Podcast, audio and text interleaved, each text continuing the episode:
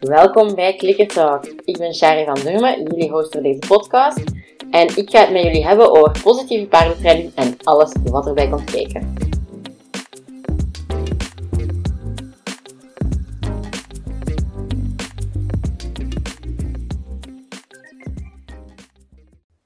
Welkom bij deel 2 van het gesprek met Monique Dorst en Jolien Dalenberg, waarin we het hebben over op een andere manier werken dan dat eigenlijk de standaard is binnen de paardenwereld en hoe dat, dat kan voelen, zijn, hoe dat je dat kan ervaren. Ja, eigenlijk een beetje alles wat daarin bij ons opkwam. We hadden ook geen, geen punten van wat dat we gingen bespreken. We hebben echt gewoon een gesprek gehad. Um, wat dat je in de vorige aflevering waarschijnlijk wel gemerkt hebt. Als je die nog niet beluisterd hebt, ga dat zeker doen. Want als je het eerste deel niet hebt meegekregen, gaat het tweede deel waarschijnlijk niet zo logisch zijn. Het is echt wel gewoon één geheel. Um, maar voilà, dan gaan we eraan beginnen. Um, maar het, is, een paard moet gewoon luisteren en hij moet het doen. En er wordt eigenlijk altijd, dat is het ook wel. Dan denk ik, er wordt best wel standaard van uitgegaan dat het paard iets kwaads in de zin heeft. En dan denk ik, er zijn, toch, er is toch, er zijn weinig dieren die ik ken die vergevingsgezinder, uh, meegaander en liever zijn dan paarden. Ja. Dus ja. Het zijn bijna evil vind... masterminds als je mensen moet geloven. Maar ik heb ook wel het idee dat het vaak een beetje zo'n soort nieuwe kleren van de keizer syndroom is. Dat er eigenlijk heel veel mensen zijn die best wel voelen dat het anders mag en anders kan. En die eigenlijk ook heel bang zijn. Want ik, ik kom best regelmatig mensen tegen die wel serieuze angst hebben. En dat is dan ook nog wel eens huilen, want dan zeggen ze ja, ik ben bang uh, om te galopperen. En als je dan echt met ze gaat kijken met lichaamswerk en dergelijke, blijken ze eigenlijk al bang te zijn om überhaupt een zadel op dat paard te leggen. En dat is natuurlijk hartstikke confronterend. Maar ik, en ik ben zelf ook niet zo'n held, dus ik begrijp dit helemaal. Maar ik heb toch vaak het idee dat er veel meer mensen zijn die ergens diep van binnen voelen van eigenlijk wil ik het zo niet. En eigenlijk is er meer aan de hand. En god, toen ik op paardrijden ging als negenjarige, toen had ik echt grote dromen van uh, galopperen met mijn paard over het strand en een band opbouwen. En nu zit ik eigenlijk alleen maar aan slofteugels te trekken en, en met zwepen eroverheen te gaan en hem vast te laten houden, want anders kan ik niet eens opstappen. En dan denken er zijn volgens mij heel veel mensen die het op die manier ervaren en zien, maar bijna niemand durft het uit te spreken. Want je wordt gelijk voor softie uitgemaakt, er wordt gezegd je bent bang, je kunt geen grenzen aangeven, al dat soort dingen.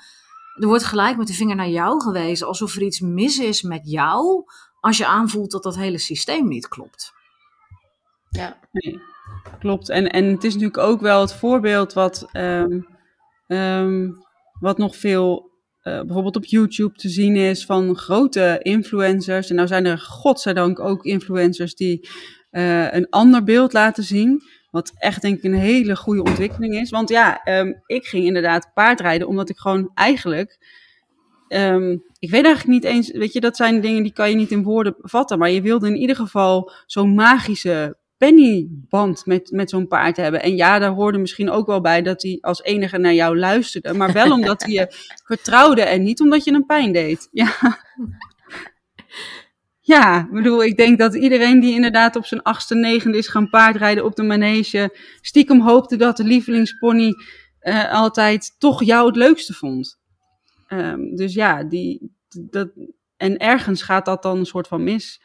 Uh, dus er zei ook ooit iemand, en dat ging over iets anders, maar we doen allemaal zeg maar een zwart jasje aan om, om te verbergen dat we daaronder misschien allemaal stiekem groen zijn of zo. Maar dat is nou, inderdaad dat, wat jij net zegt. Ja, een soort, soort collectief uh, allemaal onszelf voorhouden dat zo'n fijne band en echt ontspannen samen zijn, dat dat eigenlijk niet kan. Of dat het alleen maar kan op bepaalde manieren met dwang en druk. Terwijl het helemaal niet zo hoeft te zijn. Nee, nee. Ja, en het ook, is Sorry, ja? zeg maar. Nee, zeg maar. Want um, ik weet niet meer wie dat het zei, maar zo meer in het begin van, van ah ja, dan kan, kun je toch niks meer doen met je paard. Als, als je paard nee mag zeggen, ja, dan rijd je toch nooit meer. Maar dan stel ik, ik heb dat ook ooit gedacht, hè, maar dan stel ik mij nu op dit moment de vraag van, ja, maar wat zegt dat dan eigenlijk over uw reden? Dat eigenlijk als je paard de keuze krijgt, dat hij dan consequent nee zou zeggen. En ja. dat is ook weer zoiets waar ik ik nu dan zoiets heb van hoe kun je dat dan niet gaan reflecteren op jezelf en op je training. Maar dat is ook weer zoiets, dat is zo gewoon geworden dat paarden niet ja, willen meewerken bijna, zonder dat het moet. omdat dat gewoon is wat dat je altijd overal ziet. Allee, niet altijd overal, hè, maar als je naar een traditionele stal gaat, ja, dan is dat wel de standaard. Nou, het is een heel doordringende, uh, of, of door, het, het, doordringt de paardenwereld heel erg. Hè? Het idee dat, dat, dat je toch gehoorzaamheid moet afdwingen, omdat het anders niet gaat komen. En tegelijkertijd zie je daar tegenover weer een stroming staan die het heel erg afdwingt en zegt dat ze heel veel keuze aanbieden. En... Ja, maar ik denk dan op het moment dat jij, en, en weet je, als je ervoor kiest, ik, ik weet dat er fantastische Ermin-trainers zijn die heel veel van een paard gedaan krijgen. Ehm, ehm, en um, die een briljante timing hebben, waardoor ze wel een bepaalde duidelijkheid met, aan het paard mee kunnen en voorspelbaarheid aan het paard mee kunnen geven. Waarvan ik ook nog wel denk, ja, dat zal ook wel enige rust geven bij zo'n paard. Maar op het moment dat jij het in een roundpen doet, zonder eten, zonder uh, uh, de mogelijkheid om naar vriendjes te gaan, um, noem het dan niet alsof je hem keuzevrijheid geeft, maar zeg gewoon: nee, ik gebruik deze manier en um, uh, ja. ja. hij heeft dan even geen keuze, maar ik zorg ervoor dat hij in ieder geval heel veel duidelijkheid heeft, zodat hij weet wat hij kan verwachten. En ja, er zijn paarden die op zich, uh, ja, weet je, het, het ziet er ook altijd, het eindresultaat ziet er dan ook altijd heel erg uit wat mensen willen hebben. Dus ja, ja. Dat, dat is dan en dan kom jij aan met je, met je, met je klikkertje en je voer. En, en ja, uh, en dan zegt, dat is, niet het, dat is niet het eindresultaat misschien wat die Ermin-trainer kan bereiken. Um, Terwijl als ik, gevoels, als ik gevoelsmatig kijk, uh, ik, ik doe misschien minder dan ooit, maar ik heb nog nooit zoveel plezier gehad. Ja. Het is zo fijn nu als ik zeg maar op stal ben. Soms hang ik gewoon een half uur zomaar een beetje. En dan komt ze naar me toe en dan wil ze gekriebeld worden. Gisteren ben ik een uur op stal geweest. Ik denk dat ik 10 minuutjes getraind heb. En 30 minuten heb ik gewoon lekker staan poetsen. Terwijl ze met twee voetjes op een mat stond. Ja. Uh, waar ze gewoon zelf van af kon lopen, niet vastgebonden aan het hoofd. En ze stond zo te genieten. En ik vind het zo fijn. En dan denk ik, ja, oké, okay, we gaan niet in galop over het strand. Maar dit is wel die band ja. waar ik altijd van heb gedroomd. Ook al, maar hij zit in veel kleinere dingen. Ja, absoluut. Ja, ik zit soms inderdaad uren gewoon, zeker nu het wel beter weer is, zit ik gewoon op de trek. En verder doe ik niet zo heel veel. En het is heel grappig, want ik heb nu een, uh, een, een, klant van mij is wat... Uh, um, ze komt ook uit een traditionele wereld en... Um, Um, zij is begonnen met uh, R+, echt met mini-mini-stapjes. En zij, het wat ik heel mooi aan haar vind, zij heeft geen verwachtingen, echt nul.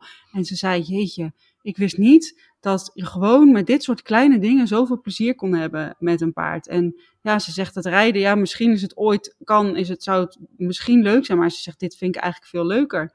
Maar daar kom je pas achter op het moment dat je het gaat doen en op het moment dat je de, de waarde van van in kunt zien. En op het moment dat je, zolang jij nog zegt van, nou ja, maar ik moet er gewoon bovenop zitten en ik wil, um, ja, um, ik wil daar mijn ding op kunnen doen, dan uh, komt, komt dat moment ook niet dat je kunt gaan inzien dat andere dingen misschien ook heel fijn kunnen zijn. Nee. Terwijl ik, ik hoor het echt heel vaak hoor, dat mensen zeggen, goh, ik vind het echt, het targeten, mensen gaan helemaal los op die pony die drie keer die target aanraakt. Terwijl ik denk, jeetje, dat is voor mij inmiddels zo normaal geworden. Zeggen, oh, dat is echt, hij is zo slim en hij leert zo snel. En dan ga je nog kleuren herkennen of, uh, ik hoor het ook heel vaak over hersenwerk, dat doe ik dan zelf ja. niet, maar ik zie zoveel enthousiaste reacties van mensen over hersenwerk, die zeggen, oh, wat fantastisch, want ik ga ineens helemaal die kleine signalen zien en ik heb echt het idee dat ik een gesprek heb met mijn paard. Ja. En dan denk ik, ja, hoe mooi is dat eigenlijk? Ja. Voor mij is dat honderd keer mooier dan uh, op de trailer naar wedstrijd en winstpunten rijden. Ja, ja. dat sowieso. Ja, ja die, die buitenritjes, soms denk ik wel eens, nou ja, dat zou ik nog, had ik nog leuk gevonden. Uh, dat, dat in, of een stuk wandelen en een stuk meeliften. Want ja, een galopje meerennen, dat lukt me echt niet. Um, dus dat is het enige waarvan ik soms denk, oh, dat, dat had leuk geweest. Maar er is... Ik, ik heb echt zoveel stress gehad, omdat ik altijd voelde, maar er klopt iets niet, er is iets niet in orde. En dat was fysiek en dat was uh, emotioneel, mentaal. En sinds ik dat allemaal heb losgelaten, is het echt duizend keer leuker. En het scheelt inderdaad ook gewoon geen gestrest of je zadel nog wel past. Geen gestrest of je wel de goede single hebt. Ik hoef me niet druk te maken of het hoofdstel niet toevallig ergens niet lekker zit. Nee, dat is allemaal, uh, dat soort stress heb je niet. En dat maakt, de, maakt ons een stuk leuker. Ja. Ons als in mijn paard en mij. Nou, ik, ik, dat herken ik ook heel erg. En ik denk als we het dan hebben over weerbaar zijn tegen uh, mensen die van alles ervan vinden. Wat mij altijd heel erg helpt, of hielp, uh, gelukkig heb ik nu niet meer zoveel gedoe. Maar wat mij altijd heel erg hielp, was me afvragen van wie zijn mening vind ik nu eigenlijk belangrijk. Die van mijn paard. Uiteindelijk is de mening van mijn paard is belangrijker dan van al die stalgenoten die er wat van vinden. En ik hield mezelf ook heel erg voor. Je kan het toch nooit voor iedereen goed doen. Want ga je mee in het verhaal van stalgenoot A of B en ga je een join-up doen, dan is er stalgenoot C of D die zegt: nee, uh, dat is niet oké. Je moet. Uh, academisch werk doen en bij een join-up loopt hij zichzelf kapot. En ga je dan vervolgens academisch werk doen, dan is er weer iemand die zegt: Nee, maar dat vind ik flauw gedoe, want je moet ze juist een beetje meer voorwaarts laten lopen, want met dat hele verzamelde werk maak je ze kapot. En laat je ze wat meer voorwaarts lopen, dan vindt daar ook weer iemand iets van. Dus je kan het toch nooit voor iedereen goed doen. Doe het dan maar goed voor je paard. Nou, dat en sowieso, um, als je dan een mensenmening wil uh, uh, uh, nagaan, dan kijk ik altijd even, goh, hoe is, hoe is de relatie tussen dat mens en dat paard?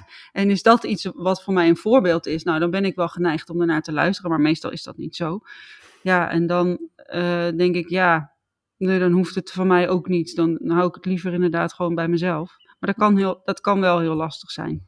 Ik vond dat vooral moeilijk als degene die er iets van vond, iemand was die zelf wel heel veel kon. En ook al zag ik dan wel dat die relatie niet was hoe ik het wilde, omdat er bijvoorbeeld heel veel stress was of heel veel spanning of er werd heel veel afgedwongen.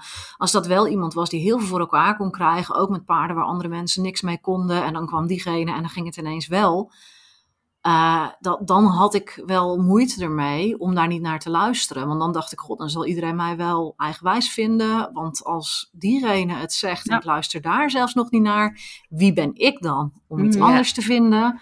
Dat bracht mij altijd wel heel erg aan twijfelen. Ja. Dat is ook wel iets wat ik zo'n beetje heb naar, naar de sport toe. Alleen ondertussen ook al veel minder. Maar dat ik ook wel een hele periode heb gehad. Dan denk ik dat ik zo begon. Allee, ik ben nog altijd geen expert in zo het, het correct lopen en zo. Maar dat ik zo begon te zien van wat, hoe dat een correct achterhandgebruik eruit ziet. En dat zo de, de, de rug meer gebold moet worden, al die dingen. Toen ik dat zo begon te zien en dat ik dan ook zag hoe dat, dat er eigenlijk in de sport en de topsport en absoluut niet topsport eruit zag. Um, ik zit zeggen, maar die mensen, dat is die job, die doen dat heel hun leven. Dat is wie ben ik nu om dan te gaan zeggen dat die mensen dat fout doen? Want ik ken er toch helemaal niks van. En dan dat je zo eigenlijk jezelf een beetje begint te twijfelen, omdat je eigenlijk veel meer ja, credit geeft aan de anderen. In plaats van aan jezelf. En dan denk ik, ja, ondertussen de sport is dat wel iets waarvan ik vrij zeker ben ondertussen dat het toch niet altijd dat is. Maar dat is ook wel iets waar ik een hele periode wat mee ja, er wordt ook heel vaak gezegd hè, van, oh ja, maar wat kan je zelf dan? En hoe doe jij, kan jij het beter? En uh, ja, zij doen dit, uh, ja, maar dat je iets heel lang doet, je kan ook iets heel lang heel verkeerd doen. Dus ja, dat is klopt. niet per se, ja. Um, maar ik heb het ook hoor, want ik, wat ik zeg, wat ik aan het begin vertelde, ik word best wel vaak gevraagd uh, bij paarden die, die trauma, gedrag of stress hebben. En, en ik heb zeker um, toen er hier en daar wat fantastische Ermin-trainers opkwamen, die van elk paard een heel uh, braaf paard maakten, waar je uh, bij wijze van spreken aan een nekroopje mee over de, over de Loons en Trunes duinen kon galopperen. Dat, dat gaf mijn zelfvertrouwen ook echt wel een knauw. Dat ik echt dacht, shit, maar ja, dat kan ik niet. Maar ja, ik wil het ook niet. Tenminste, als het paard het wil, vind ik het goed. Maar ik, ik ben toen ook gaan denken, ik denk, ja, maar is het nou, is het nou logisch dat ieder paard in zijn eentje. Um, het, het, het zijn een soort van allemaal kopietjes van elkaar dan. Ze kunnen uiteindelijk allemaal hetzelfde en daar kan je op twee manieren naar kijken. En ik zeg niet dat mijn manier goed is, maar je kan ook denken van, god, nou, die, die, die uh, trainer levert gewoon een heel uh, voorspelbaar uh, product af.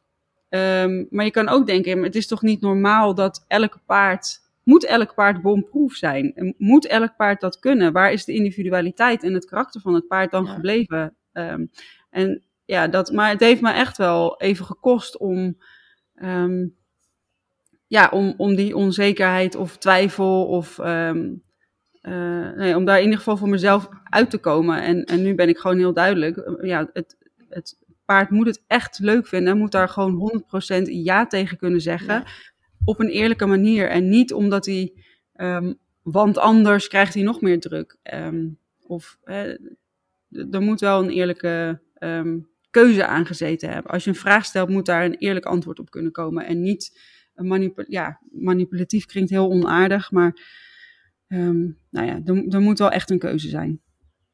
Het is eigenlijk, ja. zodra dat er een fout antwoord is, zet je al niet meer met een keuze aan het werken eigenlijk. Nee. Vind ik dan. Dus eigenlijk zodra dat er een, ja, want ik, ik, ik gebruik zelf als het over training gaat, eigenlijk wel het, het juiste antwoord belonen en zo.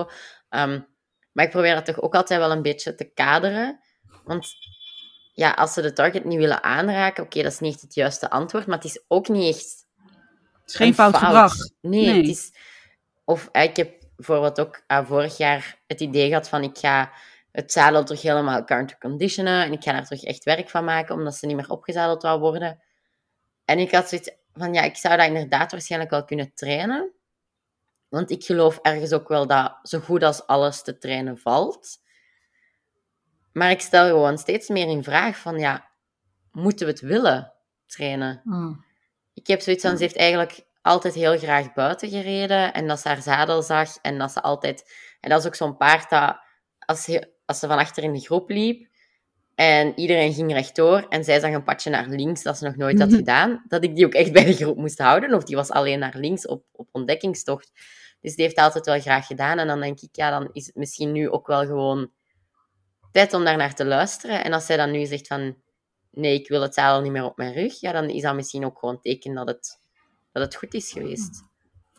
Ja, het is natuurlijk niet dat je met R Plus werkt dat iets zo keuzevrijheid geeft, hè?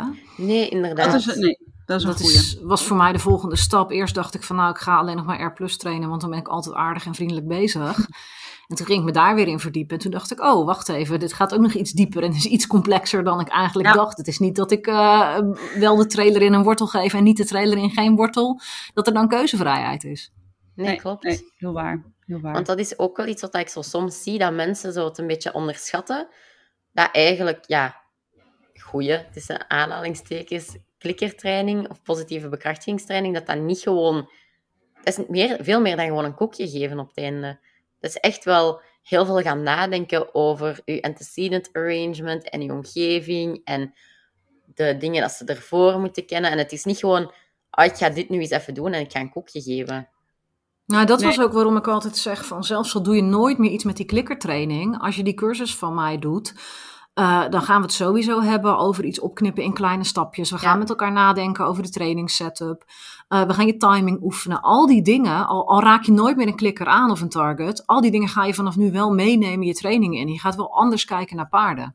Ja, ik weet ook dat er soms um, um, een soort vooroordeel heerst van nou ja, wat we in het begin ook al zeiden, als je uh, met klikkertraining en voerbeloning werkt, dan uh, is het omkoping. Maar ik denk, ja, op het moment dat je een uh, tenminste, de, de, de klikkertrainers die ik goed vind, als ik daarnaar kijk, dan denk ik, ja, de emoties zijn veel meer, de, de, emoties achter het gedrag, de stresssignalen zijn nou minstens zo belangrijk als het, het goed uitgevoerde gedrag. En waarschijnlijk heel vaak juist nog belangrijker. Moet ik wel zeggen dat ik ook wel hele fijne Ermin-trainers ken die dit enorm ja. zwaar meenemen hoor. Dus ja. dat, en dat zijn ook wel, is heel grappig, want soms heb ik die wel eens in mijn cursus zitten. Ik vind het altijd heel hilarisch. Ik promote het als een basiscursus en dan krijg ik mensen die zelf al vijf jaar lesgeven en 700 opleidingen hebben gedaan. Dan denk ik, oeh, dan heb ik echt, echt enorm imposter syndroom. Maar het is altijd super leuk. Maar dat zijn wel mensen die daar heel snel mee vertrokken zijn. Omdat ze zeggen, oh, dit, dit deed ik eigenlijk altijd al. Alleen het werd mij uitgelegd als uh, energie of het gevoel. En niemand kon me ooit concreet vertellen wat er nou eigenlijk gebeurde. Um, terwijl we dan in die cursus gewoon heel concreet daarmee aan de slag gaan en het echt benoemen. En dan geef ik ze een vocabulaire voor iets wat ze eigenlijk al tien jaar deden. Ja, en dat is ook wel, uh, dat is denk ik ook wel heel leuk. Want dan kan je, het is niet of-of misschien, um, maar um, uiteindelijk is denk ik hoe het paard zich eronder voelt wel, um, in ieder geval voor mij het allerbelangrijkst. Ja, want dat is soms ook wel zo'n kritiek op klikkertraining, van dat je robotjes maakt.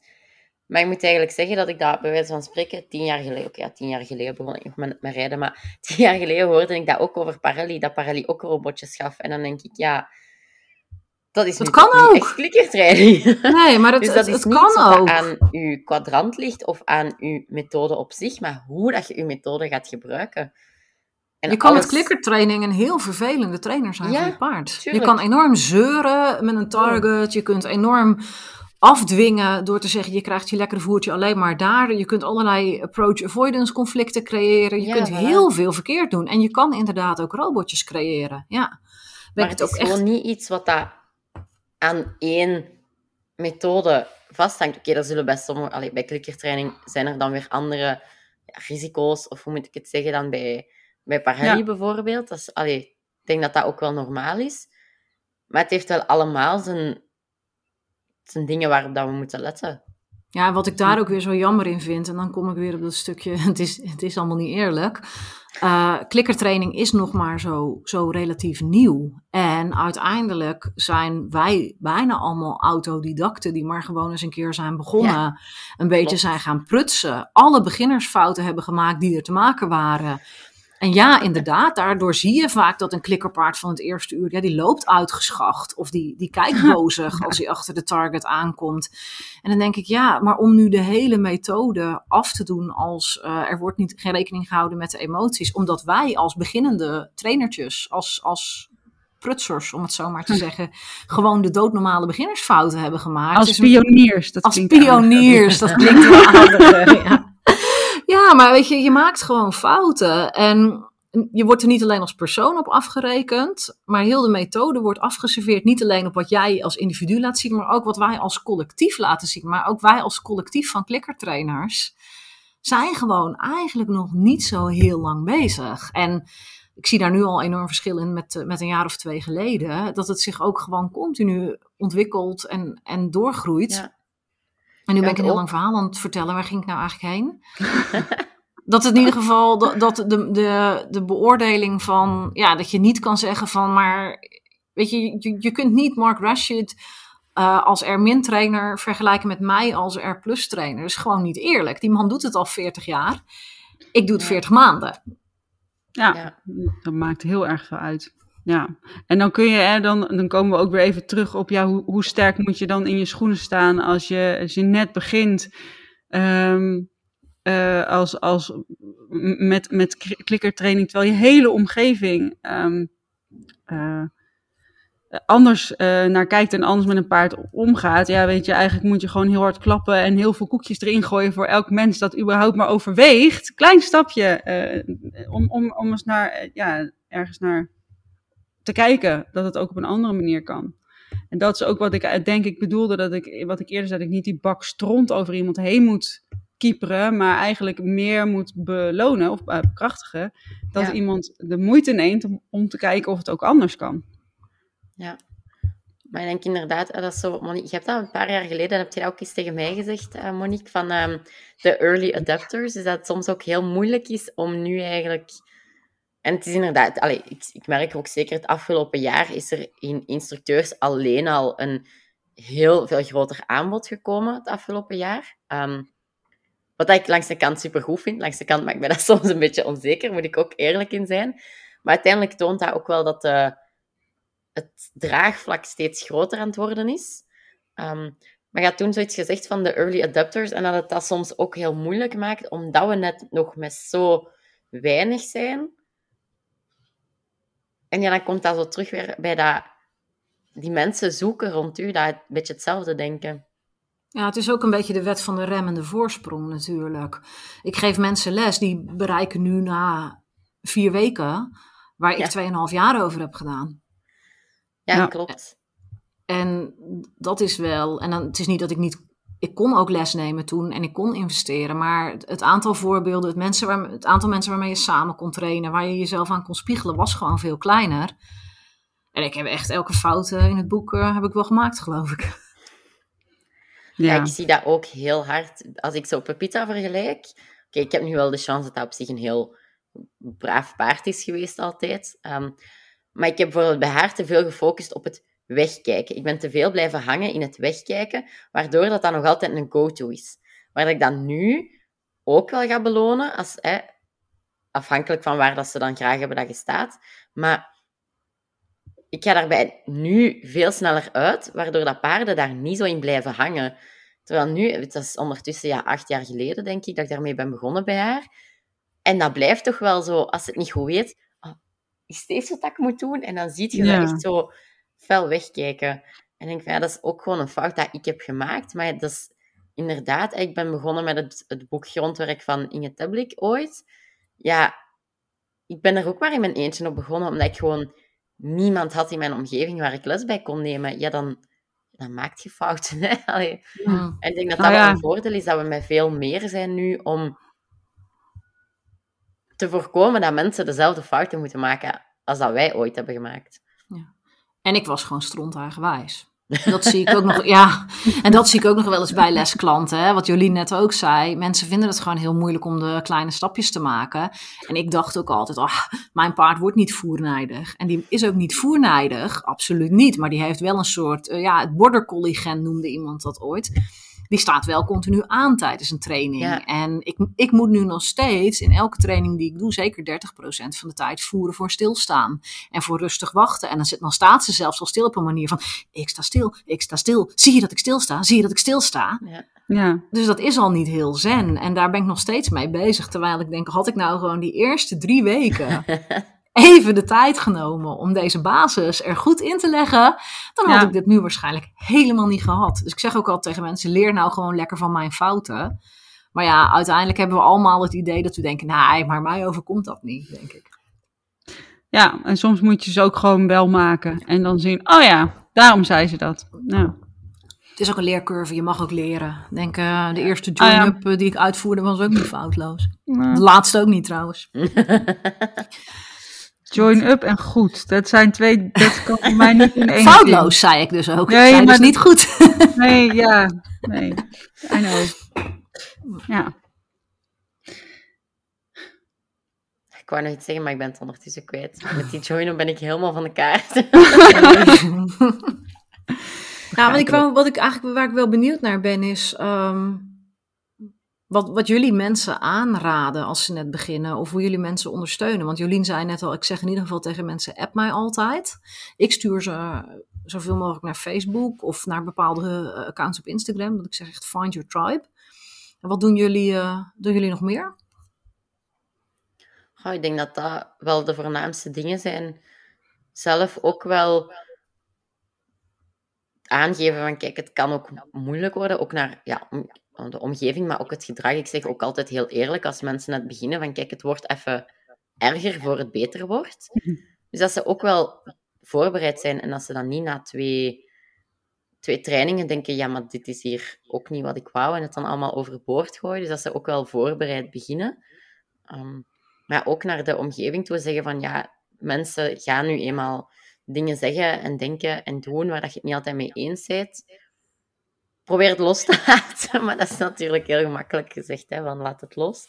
Ehm, en zoek de mensen waar dat je je wel goed bij voelt. En dat is iets wat ik zelf ook heel veel doe, van er gewoon niet over praten tegen mensen waar dat ik weet dat het niet, niet gaat kloppen. Ik heb, allee, ondertussen ja, is dat een beetje verwaterd, maar ik heb heel lang een vriendin gehad, dat ik heel goed mee overeen kwam. Dat was echt, waren goede vriendinnen, zolang het niet over de paarden ging. Want dan kwamen wij lijnrecht tegenovereen te staan en dat was gewoon niet, niet te matchen. En dat, ja, dat werkte gewoon ook niet. Dus dan heb ik zoiets van, ja, dan, dan laat ik het rusten. Allee, dan ga ik er gewoon niet op in. En ik denk dat dat ook wel iets is wat je voor jezelf moet bewaken. Gewoon om voor jezelf wat rust te geven van... Als je voelt dat mensen er niet voor openstaan, probeer het niet. Want je gaat je er alleen maar in opwinden. Maar hm. tegelijk, dat is ook weer iets wat ik ooit bij u heb gelezen, Monique. Je hebt dan tegelijk ook geïnspireerd nog wel. Hè, maar, ik denk toch wijs, hè? um, van, ja, je inspireert ook mensen waarvan dat je zelfs niet weet dat ze aan het meeluisteren of mee aan het lezen zijn. En dat vind ik dan soms ook wel zo... Zeker op sociale media dan, als je gewoon één op één in gesprek zit en je voelt van, ja, dit gaat niet werken, dan kun je het ook laten rusten. Maar op sociale media heb je dan dat er de zoekfunctie wordt gebruikt in Facebookgroepen en dan denk je soms zo, ja, voelt dat de mensen er niet voor openstaan, maar je wilt misschien wel andere mensen gaan inspireren, misschien niet diepe. Dus vind ik soms ook wel een moeilijke, een moeilijke lijn van, ja, wat ga ik nu doen? Nou, ik denk met social media denk ik altijd, weet je, dit is mijn tijdlijn. Uh, al post ik hier elke dag foto's dat ik een konijntje aan het slachten ben. Weet je, als je dat niet mooi vindt, Oké, dan word ik waarschijnlijk geblokt van Facebook. Maar bij wijze van spreken, als je dat niet mooi vindt, joh, als je het vervelend vindt dat ik uitleg waarom ik positieve bekrachtiging gebruik en zo min mogelijk negatieve bekrachtiging, of uh, wat ik daar de nadelen of de valkuilen van vind, dan ga je gewoon weg. Je hoeft hier niet te zijn. Het is niet dat ik je vastgebonden heb. Dus daar ben ik altijd wel redelijk uitgesproken. Ik hoor ook vaak wel dat mensen dan, als ze me in het echt ontmoeten, zeggen: Oh, je bent eigenlijk veel genuanceerder dan je op social media bent. Ik ben niet zo'n heks. Nee, je bent helemaal niet zo onaardig. Nee, nou, dat, dat doe ik dus ook wel een beetje expres. Want dan denk ik, ja, weet je, als je toch het allemaal stom en stupide vindt, dan kan ik wel op mijn kop gaan staan om jou te vriend te houden, maar dat gaat toch niet lukken. Maar wat ik in het echt wel probeer te doen, is dat ik heel erg probeer te filteren tussen mensen die oprechte interesse hebben en mensen die zeggen: Mag ik een kritische vraag stellen? En die daar eigenlijk mee bedoelen. Uh, mag ik me gelijk halen? Ik vind het heel stom wat jij doet. Ja, ja. precies. Mag ik even me gelijk halen? En dat, dat vind ik wel lastig. Want mensen die gewoon direct uh, rechtuit tegen mij zeggen: Ik vind het echt belachelijk wat jij doet met dat voer. Dan zeg ik: Nou, prima, dat mag. En weet je, ieder zijn mening. Doe jij lekker jouw ding, doe ik het mijne. Dat kun je heel makkelijk afkappen. Maar mensen die komen met, ja, maar goh, waarom, waarom gebruik jij dan eigenlijk dat voer? En dat niet vanuit een oprechte interesse vragen, maar eigenlijk meer als een manier om een discussie aan te gaan. Die vind ik het meest lastig om mee om te gaan. En wat ik daar een hele mooie. Ik heb op een gegeven moment iemand daar heel mooi op zien reageren. Ik denk dat het Adele was, maar dat weet ik niet zeker. Van The Willing Equine. Die kreeg een vraag ergens over. En je kon aan alles voelen dat het geen oprechte vraag was. Maar zo'n zo'n vraag van iemand die een discussie aan wilde. En zij zei gewoon van. Nou, daar heb ik een blog over geschreven. Die kun je hier lezen. En als je er meer over wil weten, kan je een lesje boeken. En toen dacht ik, oh, dit vind ik echt een hele sterke reactie. En die probeer ik wel, uh, ja, die neem ik wel mee. Dat ik tegen mensen zeg, ja, als je er echt meer over wil weten, hey, uh, dan kan je mijn cursus boeken en dan vertel ik je daar alles over. En dat doen ze dan natuurlijk nooit. Maar dan heb ik wel mezelf beschermd. Ja. Ja, ik probeer het altijd één keer. En als iemand dan nog steeds. Wat, wat ik dan ook. Het was een poos geleden ook zo'n hele discussie op Facebook. Um, uh, en toen zei ik op een gegeven moment ook: Weet je, let's agree to disagree. Groetjes. En ja. ik probeer het één keer. En, en dan denk ik ook zeker op social media: van, nou ja, doe het niet alleen voor jou, maar ook voor de meelezers. Ja. Um, en haal eruit wat je eruit wil halen. En als je zo overtuigd bent van je eigen gelijk. Ja, ik weet dat uh, Mireille den Hoed heeft een van haar favoriete spreuken. Zij die nooit van mening veranderen, hebben zelden wat geleerd. En dat hou ik mezelf dan maar voor. Ja, ik ben makkelijker aan het twijfelen te brengen. Maar dat betekent ook um, dat ik misschien uh, wat eerder um, um, andere uh, inzichten ook mee kan implementeren. En als je stoïcijns alleen maar je eigen uh, dat kan, dat kan ook heel veel rust en, en duidelijkheid en veiligheid geven. Maar nou ja, zij die nooit van mening veranderen, hebben zelf nog wat geleerd. Dat. Ja. Dat is wel mooi. Ja. ja, en ik probeer zelf weg te blijven uit de verdediging. Ik weet niet hoe jullie daarin uh, in staan. Ik vind het heel lastig als mensen mij in een soort hoek brengen waarin ik moet verdedigen waarom ik op een, manier, een bepaalde manier werk. Want zo gauw ik ga uitleggen waarom ik A doe, dan vindt iemand die B doet, uh, ja, ik zeg dan ik doe A en niet B omdat. En diegene die B doet, voelt zich dan toch weer vrij snel aangevallen. En daar probeer ik niet te veel in mee te gaan. Dus op het moment dat mensen echt oprechte vragen hebben, ga ik heel graag een gesprek aan. Ja. Maar eh, ja, als iemand mij echt in een hoekje probeert te duwen, daar. Um, nee, nee, die kap ik gewoon best wel uh, ja. bruut af. Ja, dan zeg ja, ik ook probeer gewoon... Probeer dat wel te doen. Zo één keer reageren, maar... Je hebt heel snel mensen door... wel om op mijn buttons te duwen en dan lukt het mij niet altijd. Ik probeer het wel, maar kijk, dat is ook een uh, leercurve om dat dan los te laten. Nou, wat ik heel vaak doe, is daar de discussie gewoon stoppen en er lekker een post op mijn social media over schrijven. Ja. En dat werkt. Want dan ben ik namelijk wel, kan ik gewoon mijn zegje doen. Krijg ik veel meer R+. Plus. ja, want ik bedoel, op mijn tijdlijn zitten veel meer mensen die dat wel snappen. Ja. Um, en ik zeg ook heel vaak, het is waarom ik het doe. En dit is mijn keuze. En het is, uh, ja, met de kennis die ik nu heb, uh, waarom ik het nu doe zoals ik het doe. En misschien volgend jaar denk ik er alweer anders over. Dat kan. Hmm. Ja, en soms gaat het mis. Hè? Soms heb je een gesprek met iemand dat jij denkt, we hebben echt een kei leuk gesprek en we zijn hier heel interessant meningen aan het uitwisselen. En dan blijkt iemand anders zich toch wat meer uh, aangevallen te voelen dan je van tevoren dacht. En met name op social media kan dat gewoon gebeuren. In het begin voelde ik me daar dan super, uh, super rottig over. Dat ik dacht, oh, ik ben weer enorm drammerig geweest. Ik, ik heb weer als een soort Jehovah lopen prediken. Maar nu denk ik ook, ja, maar mijn intentie was wel goed. En er kan gewoon miscommunicatie ontstaan. Zeker op social media. Niemand is zo perfect. En niemand kan alles zo perfect uitleggen dat hij nooit eens per ongeluk iemand op de tenen staat. Je ontkomt er gewoon niet aan. Nee, klopt. Er gaan altijd wel mensen zijn die. Daar is het laatst ook nog een post over, hè, Monique? Van dat er altijd hm. wel mensen zijn die gewoon al op hun tenen getrapt gaan zijn door gewoon door het feit dat jij een bepaalde keuze maakt, dat zij die keuze al direct gaan zien als een anti hun keuze. Ja. Of, ja, dat is misschien niet zo goed uitgelegd, maar... Nee, dat ze het wel als een aanval op zichzelf beschouwen. En dat is denk ik sowieso uh, in het algemeen. Wij als wij ons rot voelen door een opmerking van iemand of wat dan ook, dan gaan we dat heel snel projecteren op die ander. Terwijl ik denk, nee, jij wordt getriggerd, dus dat betekent dat er iets is in jou. Ja, klopt. En daar moet jij dus verantwoordelijkheid voor nemen. En dan moet je niet je galbak over mij uitstorten, eigenlijk, liefst. En ik, maar bedoel, ik maak me er zelf ook wel eens schuldig aan hoor. Soms doet iets gewoon zoveel pijn dat je denkt, zo, nou ga ik even heel hard terug gillen, uh, krijzen, uh, figuurlijk dan. Um, maar we zijn heel, we hebben natuurlijk, het is altijd heel, even een hele erg zijsprong. Maar ik werk uh, nog twee dagen in de week op een kasteel, dat is een museum. Als je doet wat mensen willen, uh, dan zijn ze super lief, aardig, vriendelijk, weet ik veel wat. Maar op het moment dat zij iets vergeten zijn, hè, ze hebben een museumkaart niet bij zich en ze vinden dat ze toch naar binnen mogen, want hij ligt toch thuis. Terwijl in de voorwaarden van de museumkaart staat dat je hem echt bij je moet hebben, fysiek. Uh, en ik, ik laat ze dan niet binnen en dan zijn ze boos op mij. En dan denk ik, nee, je bent niet boos op mij, je baalt van jezelf, want jij bent dat stomme ding vergeten. Maar dan, ja, mensen nemen heel slecht verantwoordelijkheid voor hun eigen emoties, soms, ja. vaak. Ik probeer dan wel, want ik snap dat wel. Ik heb dat dan ook. Als er zoiets is wat ik heb misgedaan, word ik ook heel boos. En ik probeer dat dan ook wel echt te zeggen. Allee, ik denk, denk dat ik durf het niet beloven, maar dat ik het nog nooit op. Um, bijvoorbeeld, zoals in uw geval, dan als medewerker van het museum, maar ik heb ook bij de bakker gewerkt, hebben mensen dat ook op mij uitgewerkt soms. Ik heb wel geprobeerd om dat nooit op mensen uit te werken dat gewoon hun job doen. Maar als ik dan boos ben, dan zeg ik ook wel van, kijk, dit is even niet op u. Ik ben wel even boos. Het moet er gewoon even uit. En dat is niet op u bedoeld, maar het is nu zo. Maar inderdaad, dat is iets, allee, de, de, dingen dat ik soms bij de bakken. Ik heb ook als um, aan de receptie van een groot bedrijf gewerkt.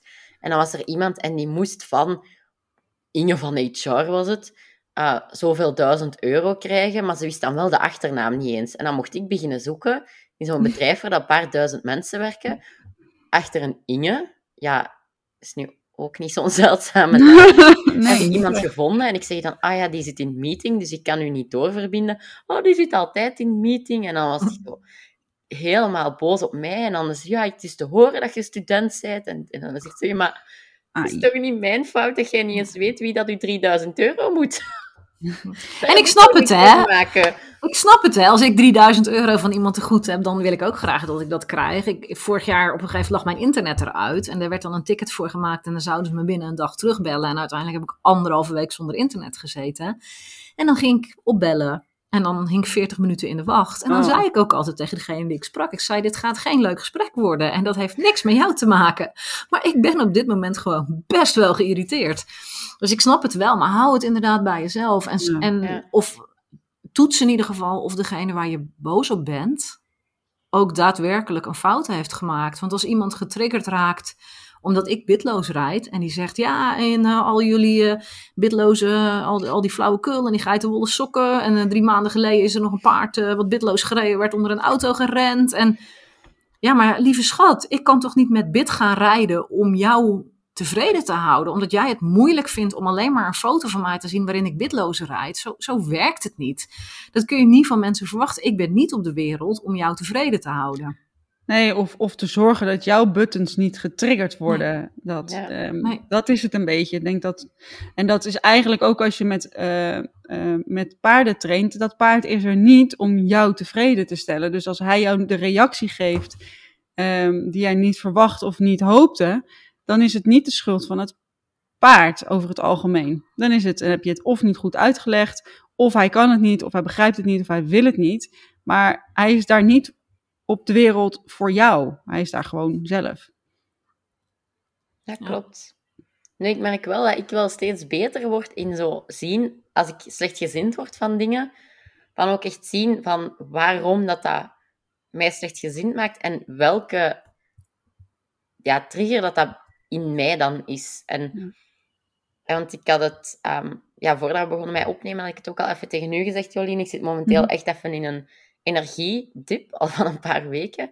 Ehm, en dan is het gewoon heel frustrerend tegelijk om mensen te zien knallen. En dan kun je heel ambetant worden omdat mensen dingen doen.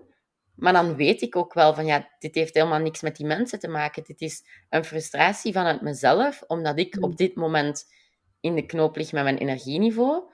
Maar dat heeft niks met die mensen te maken. Dat is puur ik dat tegen mezelf aanloop. Maar heel veel mensen zien dat zo niet. Nee, en dan krijg je. Nee. nee, en dan krijg je al heel snel een soort van wij-zij-ding. Of dat mensen.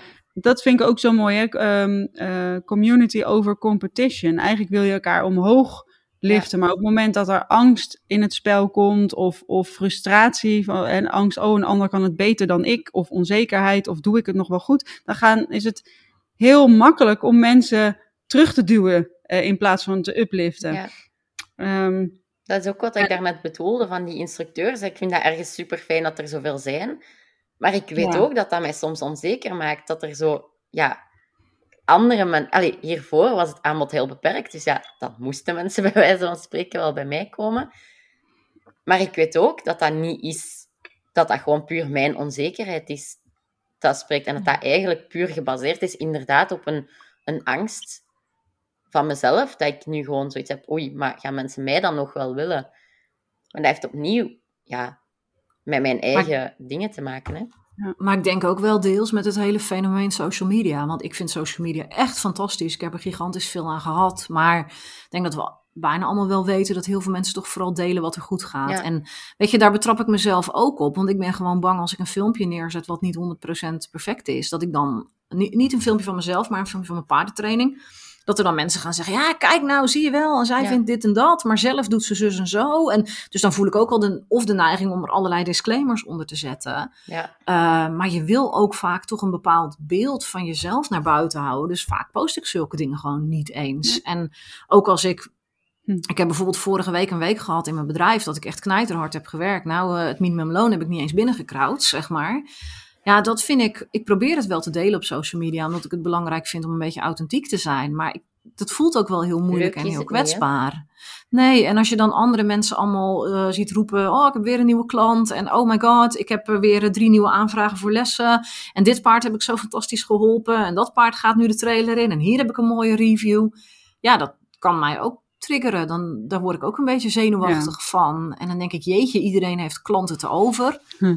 En ik zit nou, hier maar een beetje. Eh, volgens mij, zitten we, ja, volgens mij zitten we hier als drie ondernemers. En volgens mij hebben we allemaal die momenten dat je echt denkt: kak, krijg mijn cursus niet vol. Ik had, ik had nu eigenlijk een volle cursus gehad, maar iemand heeft zich teruggetrokken en uh, wilde ook de geld terug. Um, heb ik ook gewoon gedaan. Ik dacht, weet je, dat is ook een kwestie van. Uh, het kost me de minste energie. Maar um, een klant van mij die net begon met klikker trainen, die zei ook: ja, haar paard is best wel. Um, uh, heel snel uh, uh, in de overdrive, zeg maar. En ze zegt, ja, dan zie ik al die voorbeeldjes van al die paarden die gewoon heel kalmpjes met voer en heel rustig dat brokje aannemen. En dan staat die, die, die, die, dat opgefokte ponnetje van haar, staat die staat er alleen maar, ik wil eten, ik wil eten, ik wil eten. En, en ze zegt, ja, dat vind ik dan best wel lastig. En, en, um, en het is ook een beetje het werkt twee kanten op. Want je wil natuurlijk juist, je deelt, je deelt natuurlijk juist graag je successen om te laten zien van nee, kijk, dit kan. Uh, maar ik merk op het moment dat ik zelf niet veel energie heb of uh, dat het bij mezelf niet heel goed gaat, dat ik juist minder op social media kijk. Of in ieder geval niet heel veel bij anderen kijk. Want daar word je echt diep ongelukkig van dan. Ja, en dat is misschien ook echt niet gedaan. Nee, en dat is denk ik ook heel erg de tip voor als je met je paard werkt op een andere manier. Kijk niet naar anderen. Nee. Uh, als het kan, ga trainen op een moment dat er zo min mogelijk mensen zijn. Etenstijd is briljant. Um, want dan zit iedereen te eten en dan kan jij gewoon lekker kloten met je paard. Maar het is, het is, ja, het is eigenlijk een, een, een metafoor, zeg maar, die niet alleen maar in de paardentraining gaat, maar ook gewoon in je, in je nou ja, ook in het ondernemerschap denk ik heel erg, um, dat is ook net zo'n, ik haat het woord spiegel. Dat is ook niet wat ik precies bedoel, maar dat is wel een, een mooie, die confronteert wel heel goed, zeg maar. Ja, ja klopt. Ik denk inderdaad ik... dat dat ook wel een goede is, zo'n beetje vermijden wat dat je onzeker maakt, zonder dat je te veel, ja, je moet niet te veel gaan vermijden, maar je mocht wel, denk ik, gewoon om je eigen mentale gezondheid te beschermen, ja. mocht je wel bepaalde dingen gaan vermijden, denk ik. Ik denk dat het heel goed is om te constateren dat, uh, weet je, als ik me heel lekker voel en ik zit goed in mijn vel en ik zie iemand anders succes hebben en ik cool, we gaan goed met ja. z'n allen. En dan denk ik, oké, okay, dan, weet je, dan, dan raakt het me niet. En op het moment dat ik voel bij mezelf dat um, ik er onzeker van word, dan weet ik, oh, oké, okay, dan ben ik dus blijkbaar niet zo heel erg um, zeker meer van mezelf. En ik weet ook, weet je, dat hoort er gewoon bij. Ik gaf laatst een webinar over een onderwerp waar iemand in zat die tien keer meer weet over dat onderwerp dan ik. Um, en zij kwam bij mijn webinar kijken en toen dacht ik echt, oh my god, echt, help. Um, en later deze week kreeg ik een super lief mailtje dat ze het een heel leuk webinar vond. Even ter info, jongens, Jolien heeft het nu over mij, hè? Ja. nee, ze van ja zeker. ja. Um, maar weet je, dat maakt mij ook onzeker. En het enige wat je dan kan doen is te heel, voor mij dan, heel klein houden en echt heel erg puur bij mezelf. Totdat ik, weet je, en ook weten van het hoort erbij. Juist die momenten dat je je, het niks makkelijkers om te trainen of, of je bedrijf te voeren op het moment dat je de wind mee hebt. Maar het is juist, ik denk ook altijd als het niet lekker voelt, denk ik, oh mooi, dit is dan ook wel weer het moment waarin mijn groei ligt. Of zo. En dan weet je, je hoeft niet helemaal buiten je comfortzone om te groeien. Maar nou ja, het is in ieder geval um, een stuk makkelijker als, je, als alles voorspoedig gaat. En je, weet je, je, uh, je levert je trainingen met klanten gaan super. En ja, maar het hoort er ook gewoon bij dat het soms niet goed gaat. Maar dat vind ik wel heel mooi aan zowel het R trainen, of op wat voor manier je dan ook verdiept in, in paardenwelzijn, maar in ieder geval je eigen weg daarin vinden. En het ondernemerschap het zijn allebei dingen waardoor je heel erg wordt uitgedaagd. En ik moet dan ook altijd een beetje lachen als mensen tegen mij zeggen: Ja, jij traint zeker met die klikkertraining omdat je geen grenzen durft aan te geven. Of omdat je niet assertief kan zijn. Dan denk ik: Schat, ik heb nog nooit zo assertief moeten zijn als sinds ik hiermee bezig ben. Want toen ik gewoon nog lekker Ermin deed, tuurlijk, dan vond er wel eens iemand iets van, of dan had de ene instructeur iets te zeggen over de andere instructeur. Maar toen ik echt dat hele rare gedoe ben gaan doen met die voertjes, ja, toen moest ik pas echt mijn grenzen gaan aangeven. Want toen kwamen er nog veel meer mensen met ongewenst advies en meningen en weet ik veel wat. En dan denk ik, nee, uh, ik ben juist super assertief geworden daarvan. Dat heeft me echt enorm uitgedaagd. Ja. Nou, ik denk dat dat ook wel een mooi is om, om mee te nemen van je mocht ook echt naar andere mensen toe zeggen van dingen afblokken. En sommige dingen kun je misschien gewoon naast je neerleggen. Maar ik denk dat het zeker ook oké is om aan te geven aan mensen van kijk, sorry, ik heb hier geen advies over gevraagd. Dus je hoeft het ook niet te geven. Dit is nee. mijn keuze en ik blijf hierbij, dus...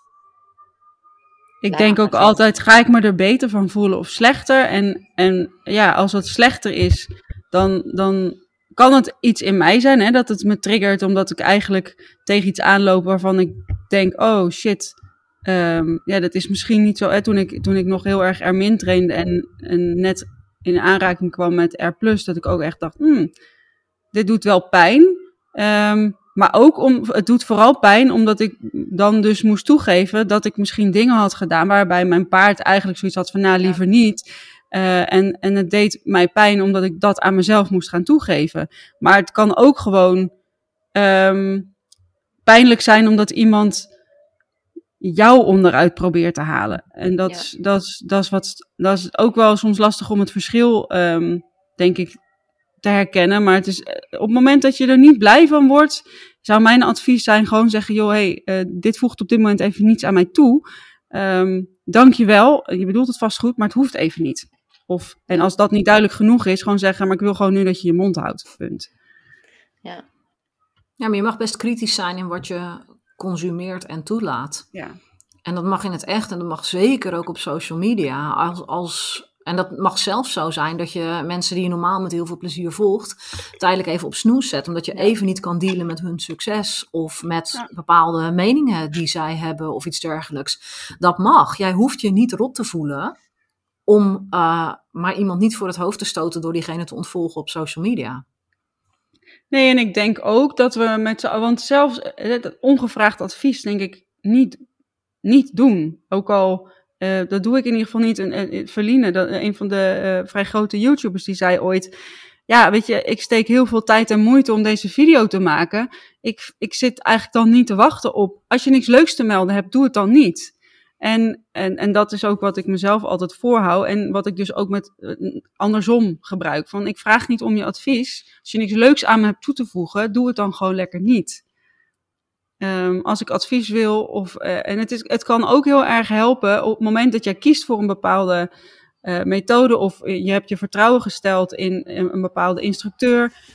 Blijf daar dan ook even bij. En zorg ook dat je de rest een klein beetje delete. Want je gaat met iemand een weg in, maar hè, um, bewijzen dat iets niet werkt is veel makkelijker dan um, bewijzen dat iets wel werkt. Dus op het moment dat je iets nieuws gaat kiezen, ja, uh, dat het niet gaat, iets laten mislukken is echt heel, heel erg simpel. Maar het is juist de kunst om dan even te denken van oké, um, ik weet dat Teersa Hendricks dat ook. Teersa Hendricks heeft een online programma en zij heeft heel duidelijk een bepaalde trainingsmethode. Zij is een revalidatietrainer en ze zegt ook van joh, in deze groep wil ik geen filmpjes van andere trainers bespreken, geen andere methodes.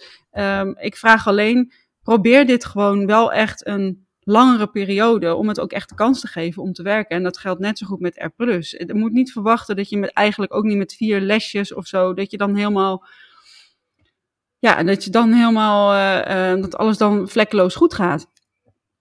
Um, en, en input van buitenaf geeft alleen maar ruis op de lijn.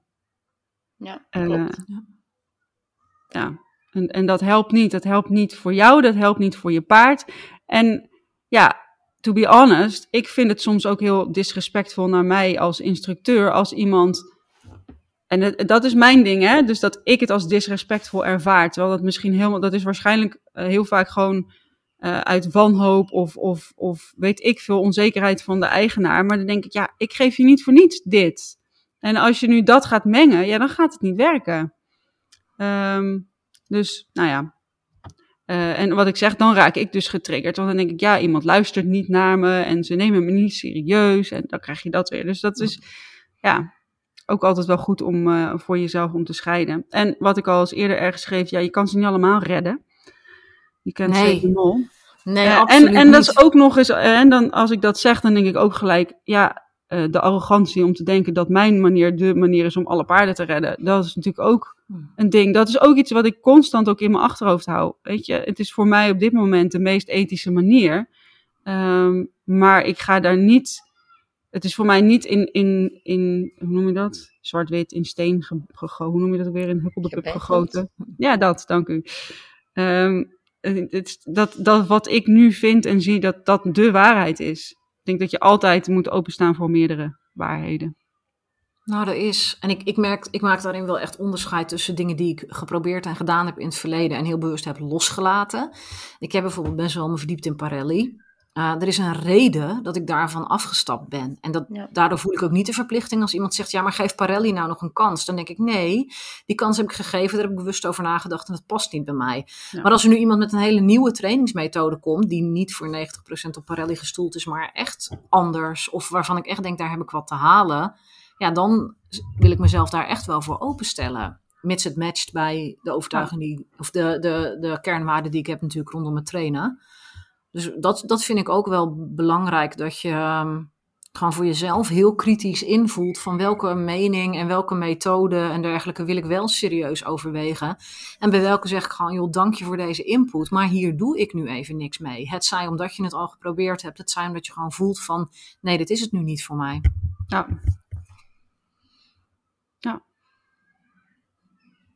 Dus Kortom. ja, ik, ik, hoor jou zeggen van ga altijd bij jezelf invoelen en daar ben ik het zeker ook mee eens. Maar bescherm jezelf ook. Ja. Ja. ja. Ik denk dat dat Kortom. zeker een belangrijke is. Als zo je omgeving bepaalde, dat gaat dan ja, over paardentraining, maar kan ook over andere dingen gaan, bepaalde dingen niet echt lijkt te accepteren, ja, kunt mensen ook niet verplichten om dingen te accepteren, want ergens zijn ze natuurlijk ook wel vrij in hun... ze hebben ook wel het recht om bepaalde dingen te vinden. En we vinden het zelf niet fijn als mensen ons dingen opleggen, van je moet zo op een bepaalde manier denken. Maar ik denk dat dan ook wel belangrijk is dat we dan proberen om dat ook wat los te laten bij anderen. En als je ja, stalgenoten... Oh, sorry, ja, maar. ga maar. nou, wat ik heel mooi vond, is ik heb uh, een boek gelezen van uh, Edith Eger, De Keuze. Zij heeft uh, de holocaust overleefd. En zij zegt, en dit vind ik een heel mooi onderscheid. Ze zegt, passief is anderen voor jou laten beslissen. Agressief is beslissen voor anderen. En assertief is beslissen voor jezelf. Hm. En dat is waar ik, waar ik steeds een beetje in mijn achterhoofd hou. Op het moment dat ik een mening uitdraag, dat ik denk, ben ik nu agressief? Ben ik iets aan het opdringen? Of ben ik gewoon puur aan het delen wat mij blij maakt en wat mij gelukkig maakt en waar ik achter sta? En zolang ik daarmee mezelf recht in de spiegel kan aankijken, dan uh, ja, dat vind ik heel erg fijn. Ja. Dat is inderdaad wel een goeie om in je achterhoofd te houden, denk ik. Ja. Nou, kortom, het is niet makkelijk, kunnen we denk ik wel concluderen. Vroeger was alles makkelijker. Ja. Toen paste elk zadel op elk paard. Precies. Ja. Ja. En moest hij gewoon luisteren en was jij de baas. Ja. ja. Heel zwart-wit. Ja. Ja. Maar het is, uh, het is een interessant onderwerp en het, het is natuurlijk heel breed. Hè? We zijn natuurlijk ook een beetje alle kanten op gegaan, maar het is ook gewoon heel breed en heel complex. En iets om veel over te filosoferen en veel over na te denken van, goh, hoe sta ik nu eigenlijk in deze wereld? En wat wil ik uitdragen en hoe wil ik mezelf laten zien? En hoe voorkom ik dat, ik dan, dat er helemaal gehakt van me gemaakt wordt? Maar hoe ga ik ook wel echt staan voor wat ik belangrijk vind? Want daar wil ik ook wel voor pleiten. Want nee, je wil geen ongevraagd advies geven. Maar je wil in ieder geval op je eigen tijdlijn en in je eigen training wel het recht hebben om te kunnen laten zien waar je voor staat. En ja, dat, dat is een wankel evenwicht en het is lastig. En ik, ik denk dat het ook belangrijk is dat iedereen daar tijd in besteedt en echt goed voor zichzelf invoelt van wat werkte hierin voor mij heel goed. Ja, en ik denk ook altijd een soort van living by example. Ehm, ja, op het moment dat in het begin lacht iedereen je uit, maar uiteindelijk zien mensen um, ook heel vaak wel iets veranderen waarvan ze denken: shit, maar dat wil ik ook. Uh, en dat duurt misschien even, maar de mensen die dat, dat, echt willen, die gaan dan alsnog wel vragen stellen. Dat is denk ik ook wel iets om je voor te houden. Dat is net als, uh, ik ben haar naam, is dat Manon die bij Mireille de uh, opleiding is gaan doen? Ja, dat ze aan de ene kant uh, zoiets hebben van, ja, maar waarom, waarom, maar dan moet je, dan moet je steeds stoppen om hem te belonen. Maar aan de andere kant werd volgens mij ook heel erg gezien hoe, um, hoe de communicatie tussen hun was. En, en dan gaan mensen zich ook wel nieuwsgierig maken. En um, ja, en nou. dat is denk ik het beste. Dat je mensen nieuwsgierig maakt in plaats van ze pijn doet om ze te wijzen op hun fouten. Uh, wat dan fouten zijn in jouw ogen. Ja.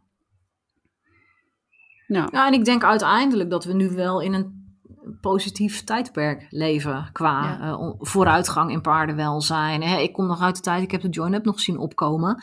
En dat was toen al een gigantische stap vooruit. En ik vind wel dat je ziet dat nu, hè, natural horsemanship is een tijd heel raar en vreemd geweest en toen best wel heel normaal geworden. Academisch werk ook. Ik zie klikkertraining of R-plus training nu wel die kant op gaan. En dat wil niet zeggen dat iedereen die natural horsemanship doet of academisch bezig is, nu alleen nog maar mag klikkeren. Maar die, die toolbelt wordt wel steeds voller. En mensen gaan wel steeds meer eh, lichaamstaal lezen. En ik denk dan aan het werk van, uh, van Rachel Draaisma.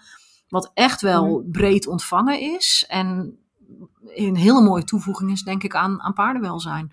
Dus wat dat betreft is er ook wel heel erg veel, uh, heel veel moois in gang. Want wij klinken nu allemaal een beetje alsof we denken dat uh, de hele wereld slecht is. En, uh, en wij op ons klikkereilandje. Maar ja, ik zie ook wel veel moois. Absoluut. Ja. ja. ja. Ja, en zeker ook wat ik zei, er zijn paarden-YouTubers, die influencers die anders delen. Uh, maar ik zie ook bijvoorbeeld um, hè, dat iemand als Mireille, um, die wel heel erg open staat van, nou ja, weet je, het is misschien niet mijn manier, maar kom het maar gewoon doen. En we kijken waar we wel overeenkomsten hebben. Ja, ja dat denk ik, ja, dan ga je verbindingen leggen en dan ga je bruggen slaan. Ja. In plaats van um, jij op jouw eilandje en zij op hun en alleen maar harder gaan schreeuwen. Ja, dan gaat er nooit iets veranderen natuurlijk. Nee, de bal is echt wel aan het rollen. Ja, gelukkig. Wel, uh, wel mooi. Ja. ja. Oké. Dan zijn we ondertussen al heel lang bezig. Um, wie, dit heeft, wie, dit heeft, wie dit helemaal uitluistert, complimenten. Ja, ja inderdaad. Um, dus we zullen hier misschien stilletjes aan afronden. Ik denk dat er wel heel veel...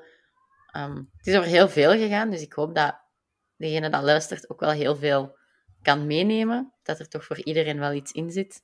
Ja, maar dat denk ik wel. Um, en dan wil ik jullie alleszins nog bedanken om zoveel tijd hierin te steken. En dat jullie dat willen doen. Ik vond het heel gezellig. Een heel interessant gesprek ook weer. En uh, ja, dank jullie wel. Ja, ja, jij ook bedankt voor dit um, organiseren. Ja, dus, jij bedankt. Ik vond het, ja. vond het heel fijn. Ik vind het, um, als je het dan hebt over Find Your Tribe, dan vind ik dit soort gesprekken altijd enorm. Uh, het is voor mij heel bekrachtigend en, ja. en, heel voedend. Dus heel fijn om erbij te mogen zijn. Ik vond het ook leuk. Allee, dank jullie wel. Oké. Okay.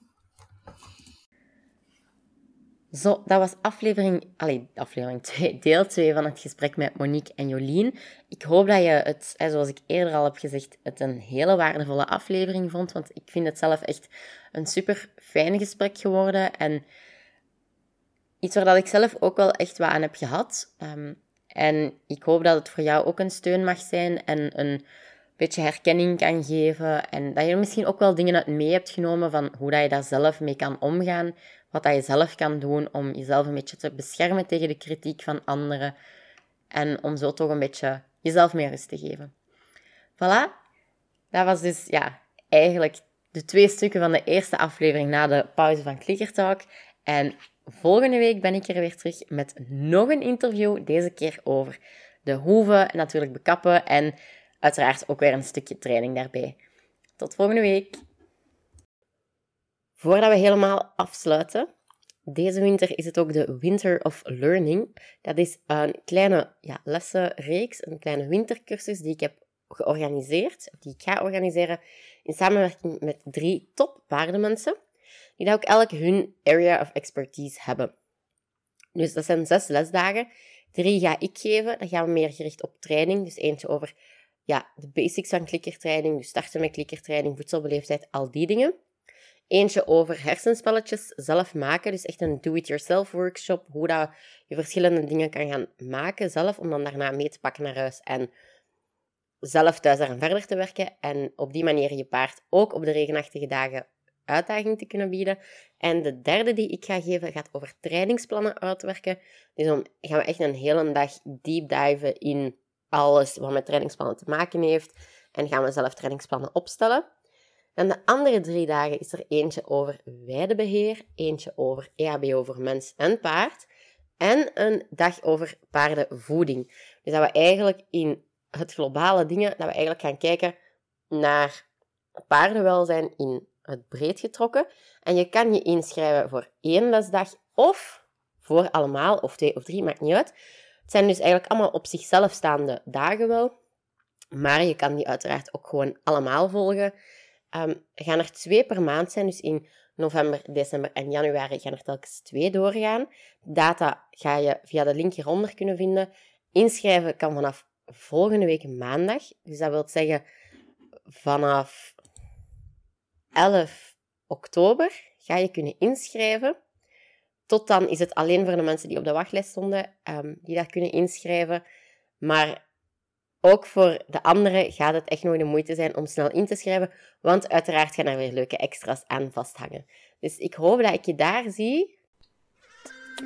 Dat was het voor deze week in Klikkerzaak. Ik hoop dat je het een fijne aflevering vond en dat je er natuurlijk ook iets uit geleerd hebt, want dat is uiteindelijk wel de bedoeling van deze podcast. Als dat het geval was, neem dan zeker een screenshot, deel die op je Instagram stories en tag me dan ook zeker, zodat ik het zeker zie, op atcharvd.ekelist. Heb je nog vragen of eventueel onderwerpen of personen die ik in de toekomst zeker nog aan bod moet laten komen, mag je mij dat ook altijd laten weten, zowel via Instagram als op mijn e-mailadres shari.klikkerfijn.be. Tot volgende week!